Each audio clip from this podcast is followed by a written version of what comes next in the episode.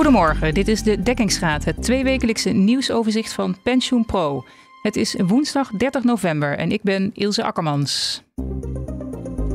ABP verhoogt de pensioenen vanaf 1 januari met bijna 12% Het fonds compenseert de prijsinflatie volledig in tegenstelling tot andere grote fondsen die ook indexaties bekendmaakten. Bij veel pensioenfondsen zijn goed renderende illiquide beleggingen door hun bandbreedtes geschoten. Daarom stapt BPF Bouw de komende twee jaar voor bijna 3 miljard euro uit hedgefondsen.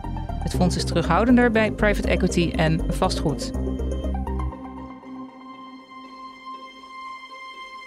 Met mij in de studio zijn vandaag Frank van Alfen en Samir van Alfen. Geen familie, maar wel allebei redacteur van Pension Pro. Welkom. Hallo. Dank je. We beginnen met Frank vandaag. Het ABP maakt als eerste pensioenfonds bekend de prijsinflatie volledig te compenseren. Andere grote fondsen, zoals Pensioenfonds Zorg en Welzijn en de fondsen PME en PMT, indexeren volgend jaar niet volledig. Waarom kiest de ABP ervoor dat wel te doen? Nou, ik denk het belangrijk om even te zeggen dat volledig verschilt per fonds. Sommige fondsen uh, kijken naar een bepaalde periode. de inflatie, dus bij ABP is die periode uh, nou, van september tot september bijvoorbeeld. Dan is de inflatie 12% die zij hebben gekozen. Mhm. En dan is 12% volledig. Een ander fonds kan van oktober naar oktober kijken of een ander soort inflatie nemen en zeggen dat is 10% of 15%. Of er is zelfs uh, bij bouw was het 17% wat ze zouden moeten indexeren. Volledig is wel een, een relatief uh, begrip. Uh, eh, ABP heeft gebruik gemaakt van de versoepelde inflatie- of indexatieregels. Ja. En kon toen, gezien hun dekkingsgraad, volledig indexeren. En dat, uh, daar hebben zij voor gekozen. En ze hebben heel uh, bekeken of dat allemaal evenwichtig uitvalt. En mhm. dat was hun uh, besluit. Ja, en verschillende andere pensioenfondsen maakten inmiddels ook forse indexaties bekend. Ik denk aan BPF Bouw en PNO Media bijvoorbeeld en het pensioenfonds Schilders. Maar zij indexeerden niet volledig. Wat waren hun afwegingen daarbij? Nou, dat zijn allemaal fondsen die uh, eh, 17% zouden moeten indexeren. Dus dat is al 5% meer dan bij ABP uh, eh, volledig heet. Dat is natuurlijk al een groot verschil. Ja. Al die fondsen die hebben een hogere dekkingsgraad dan ABP. Dus die konden ook meer uh, indexeren met die versoepelde regels. Mm Ze hadden het kunnen doen. Hè. ABP, nee, BPF Bouw had best die hele indexatie kunnen geven. Maar die willen toch wat aan de voorzichtige kant zitten. Ze zeggen, nou, we hebben nog geld nodig straks als we gaan invaren. Misschien om onze buffer te vullen. Hmm. Er zijn allerlei redenen om te zeggen, laten we wat voorzichtiger zijn. Die dekkingsgraad kan misschien ook weer omlaag gaan als de rente straks uh, daalt. Dus wij kiezen een andere methode. BPF Bouw heeft gekozen voor de, het niet gebruiken van de versoepelde regels. En die stellen allerlei grenzen aan die indexatie. dat is een heel groot verschil tussen die versoepelde regels en de gewone regels. Hmm. Die gewone regels zijn heel strikt. Het, zou maar zeggen, het is een invuloefening. Zoveel inflatie, dekkingsgraad zoveel. Nou ja, dan komt er een bepaald sommetje en dan komt er iets uit. Die versoepelde regels zijn zo soepel dat je veel meer speelruimte hebt om te bepalen in welk, uh, welk gebied je gaat zitten. Ja. Dus PPF Bouw heeft gekozen voor uh, de, de strenge variant en daardoor uh, niet volledig geïndexeerd. Ja, en dat heeft pensioenfonds Schilders ook gedaan. Schilders heeft dat, heeft dat ook gedaan. Schilders heeft ook gekozen voor de strengere regels. Mhm. En dan kom je vanzelf niet op een niet volledige eh, indexatie uit. ondanks dat je een hele hoog, een hogere dekkingsgraad hebt dan uh, eh, ABP. Ja, met het oog op wat er wellicht nog komt. Dus. Met het oog op ja, voorzichtig, prudent, buffers vullen. Uh, je weet niet wat de toekomst brengt. Ja. Van dat soort uh, zaken. Ja, er zijn fondsen die relatief minder hoog indexeren. Waar ligt dat aan? Ja, dan hebben we het over de fondsen PFZ2, PMT en PME. Mhm. Dat zijn uh, de fondsen die zitten, nou een paar zitten op 6, de andere zitten op, op 4 procent. Dus dat is, zijn echt wel maar beduidend lagere percentages. Ja. Dat heeft niet zozeer te maken met hoeveel ze zouden moeten indexeren. Dat is bij al die fondsen zo ruim 12 procent. Dus dan mhm. zouden ze net zo'n beetje als, uh, als ABP. Als je kijkt naar de inflatie bedoel je? Ja, als je kijkt naar de inflatie waar die ze zouden willen uh, indexeren. Ja. Ze maken ook gebruik van de versoepelde regels. Mhm. Dus ze hebben wat meer vrijheden dan je in het uh, oude regime uh, had. Mhm. Dus daar ligt het ook niet aan. Dus ja, de laatste simpele reden is dat hun dekkingsgraad gewoon veel te laag is. Als ik even kijk naar de dekkingsgraden, dan zit dat rond. Even spiek op mijn, uh, op mijn briefje. ja, 115, 111 in die, in die orde van grootte. Dus ja, dan heb je veel minder ruimte als we het vergelijken met ABP van 125. Ja, dat scheelt 10 procentpunten. Dus ja, ja er is zoveel minder ruimte dat zelfs als ze de, de grenzen zoeken, dan, uh, dan kom je op 6, uh, 6% of zoiets dergelijks. Nou ja, dat gaat van die, van die dekkingsgraad uit. Nou ja, dan hebben we het erover gehad dat ze graag wat ruimte willen houden voor onzekerheden, voor buffers. Dus dan uh, kom je op dat soort percentages terecht. Dus dat is de helft van de, van de indexatie die ze hadden willen geven. Ja, duidelijk. Pensioenfondsen temperden eerder de verwachtingen over hun indexaties bij een hoge inflatie. Nu zien we toch hoge indexaties. Wat is denk je de invloed daarvan op pensioenfondsen die nog moeten komen met hun indexatiebesluit?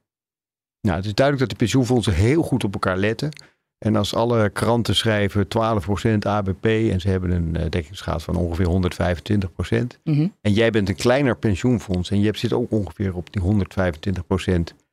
Dan moet je er niet vreemd staan te kijken dat je deelnemers denken, nou dan krijgen wij ook 12%, want ABP kan het uh, ook doen. Ja. Dus er is, gaat zeker invloed uit van dit soort uh, percentages. Mm dat ze die verwachtingen temperden ja, dat is wel logisch. We kregen opeens 15% om ons oren, 17% om ons oren. Dat zijn percentages die we jaren niet gezien hebben. Dus dan zou ik ja, als pensioenfonds ook denken, ho ho. Inflatie, laten we, laten we even zeggen dat, dat we dat misschien niet kunnen betalen. En er zijn ook argumenten voor om dat uh, niet te doen. En behalve die argumenten van we willen voorzichtig zijn, we willen uh, het evenwichtig uh, verspreiden. Mm. is het argument dat die, dat die inflatie misschien wel een enorme uitschieter is en misschien een beetje overdreven is. CBS heeft ook gezegd, nou ja, misschien is het niet helemaal de werkelijkheid. Want wij gebruiken als methode dat we denken dat iedereen een variabele stroom- en gasprijs betaalt. Terwijl in werkelijkheid eh, een groot deel van de mensen een vast contract heeft. En dus tegen minder hoge uh, prijsverhogingen aan zit te kijken. Dankjewel, Frank. Bij veel pensioenfondsen zijn goed renderende illiquide beleggingen door hun bandbreedtes geschoten. Daarom stapt BPF Bouw de komende twee jaar voor bijna 3 miljard euro uit hedgefondsen. Het fonds is terughoudender bij private equity en vastgoed. Samir, jij hebt je hierin verdiept. Klopt. Misschien is het goed om eerst even uit te leggen wat illiquide beleggingen precies zijn. Ja, je hebt eigenlijk twee typen beleggingen. Pensioenfondsen beleggen in heel veel dingen: aandelen, vastgoed, private equity, obligaties.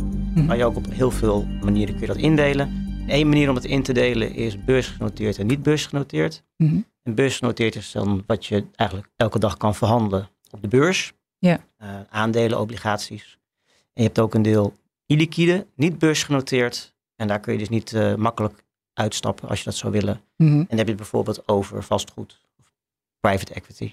Ja, ja en goed, goed renderende illiquide beleggingen zijn bij veel pensioenfondsen dus nu door een bandbreedte geschoten, ja. zo gezegd. En wat is daarmee het probleem?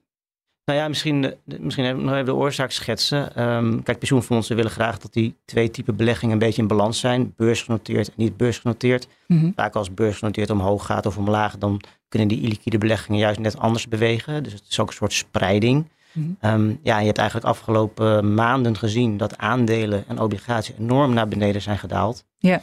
Um, Um, terwijl die illiquide beleggingen zoals private equity en vastgoed het eigenlijk nog best goed hebben gedaan. Mhm. Dus die hele portefeuille is een beetje uit het lood geslagen van die fondsen. Ze hebben vooraf gezegd van nou we willen misschien 10, 20 procent illiquide en de rest liquide beleggen. Mm ja, maar omdat die aandelen en obligaties zijn gedaald en private equity en vastgoed zijn, zo zijn gestegen, ja, is, is die hele balans uh, ja, uit, uit lood geraakt. En uh, ja, is er iets, moeten fondsen daar wel iets mee. Ja, ja, BPF Bouw liet dus al weten uh, daarmee aan de slag te gaan. Voor de komende twee jaar zeg maar een paar miljard uit die fondsen, die hedgefondsen, te stappen. Ja. Maar het is een breder probleem. Hè? Welke oplossingen zoeken fondsen voor die disbalans?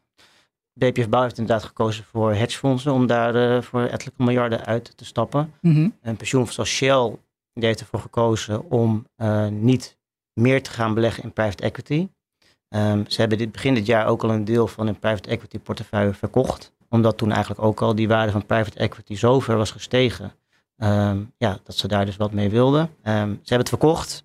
Maar daarna ging die aandelenbeurs nog verder naar beneden. En private equity deed het nog weer beter. Mm. Uh, dus nu hebben ze eigenlijk besloten om niet meer ja, wat ze hadden toegezegd om de komende jaren te gaan beleggen. Mm. Om daar een stapje in, uh, in, in, terug te doen. Ja. En je ziet bijvoorbeeld klanten van uh, Egon Asset Management. ja, die beleggen ook veel in hypotheken. Mm en daar hebben die klanten gezegd, nou, dat kan ook wel een onsje minder in die hypotheken. Um, we gaan kijken of we daar gelden uit terug kunnen halen. Bijvoorbeeld de rentebetalingen die mensen doen, of de aflossingen. Die worden vaak worden die weer opnieuw geïnvesteerd in, een, in, in, in, in zo'n beleggingsfonds. Mhm. Ehm, ja, daar hebben verschillende pensioenfondsen van gezegd van ja, laten we dat geld maar, maar terughalen. Zodat ook de waarde van onze beleggingen iets, ehm, ja, iets afnemen in hypotheken. Waardoor ja, uiteindelijk de balans tussen uh, illiquide en liquide weer een beetje in balans komt. Want bijvoorbeeld bij BPF Bouw, mm. en dat was begin dit jaar, belegden ze zo'n 29% in niet beursgenoteerde beleggingen. Maar eind september was het al opgelopen tot bijna 40%. Ja. Dus uh, ja, daar ging het bestuur wel even rond de tafel zitten van uh, wat, wat gaan we hiermee doen? Ja. En kijk, bij aandelen en obligaties is het eigenlijk zo, als het, uh, als het uit het lood slaat, of je ziet door je brandbreedte, dan kunnen ze meteen actie ondernemen. Maar ja, bij die niet beursgenoteerde beleggingen gaat het niet zo makkelijk. Je kunt niet makkelijk uit vastgoed, je kunt niet makkelijk zeggen van verkoop het pand. Uh, dus daar moet nog wel even overlegd worden van hoe dat dan wordt, wordt, wordt aangepakt. Ja, ja, want de verkoop van illiquide beleggingen kost meer tijd dan het van de hand doen van de gewone, de liquide beleggingen, zeg maar. Ja. Kan die disbalans zich ook vanzelf oplossen? Is verkopen echt nodig? Mm, ja, dat is ook een discussie waarschijnlijk wel die is gevoerd op de, of, aan de bestuurstafel. Mm -hmm ja, we weten allemaal dat we misschien een recessie uh, ingaan.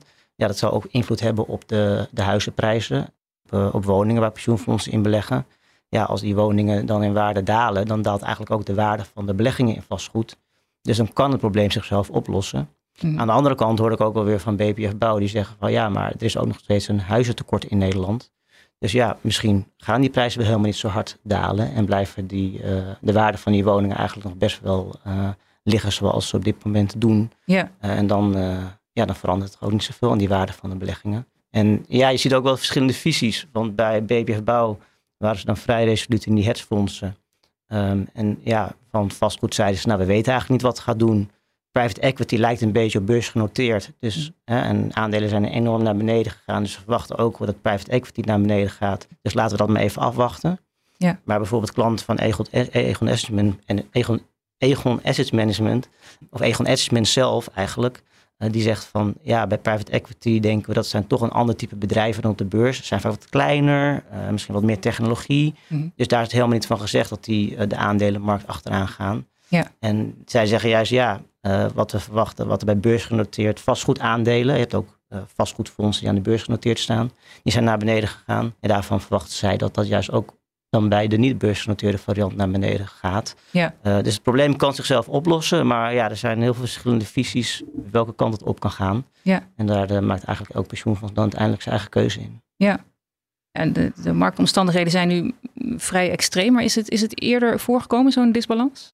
Nou, wat je wel um, tijdens de coronacrisis hebt gezien, dat het ook wel um, ook wel wat, wat, naar beneden ging. Maar toen herstelde de beurs wel ook weer zich vrij snel. Mhm. Ehm, ja, wat ik van de mensen die ik heb gesproken wel heb gehoord, is van dat dit toch wel vrij extreem is. Dat je inderdaad ziet en aandelen zo naar beneden en de obligaties zo naar beneden, omdat de rente stijgt. Ja. ja en tegelijkertijd toch die portefeuille met vastgoed en private equity en hedgefondsen die dan enorm toeneemt. Mhm. Ook omdat de waarde van de dollar, uh, de dollar is sterker geworden. Dus dat is eigenlijk pompt nog die belegging in private equity en hedgefonds in waardering nog verder omhoog. Ja. ja, dat is toch wel een vrij unieke situatie. Samir, mag ik ook nog iets vragen daarover? Is het niet heel erg moeilijk om die private equity van de hand te doen? Want dat zijn toch allemaal lange contracten.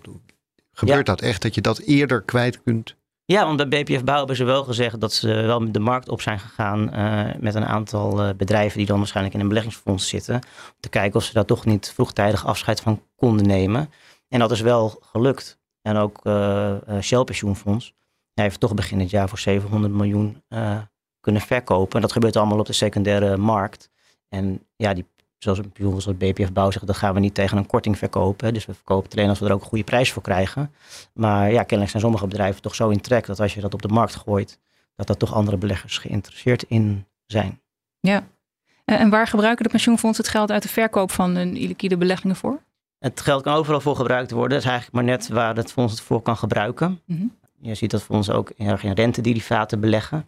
Nou ja, de rente is gestegen, dus daar is heel veel onderpand voor nodig. Ook cash, dus daarvan, daarvoor kunnen ze het gebruiken. Ze gebruiken het geld ook om uh, toezeggingen voor nieuwe beleggingen te kunnen financieren. Bijvoorbeeld zorgvastgoed.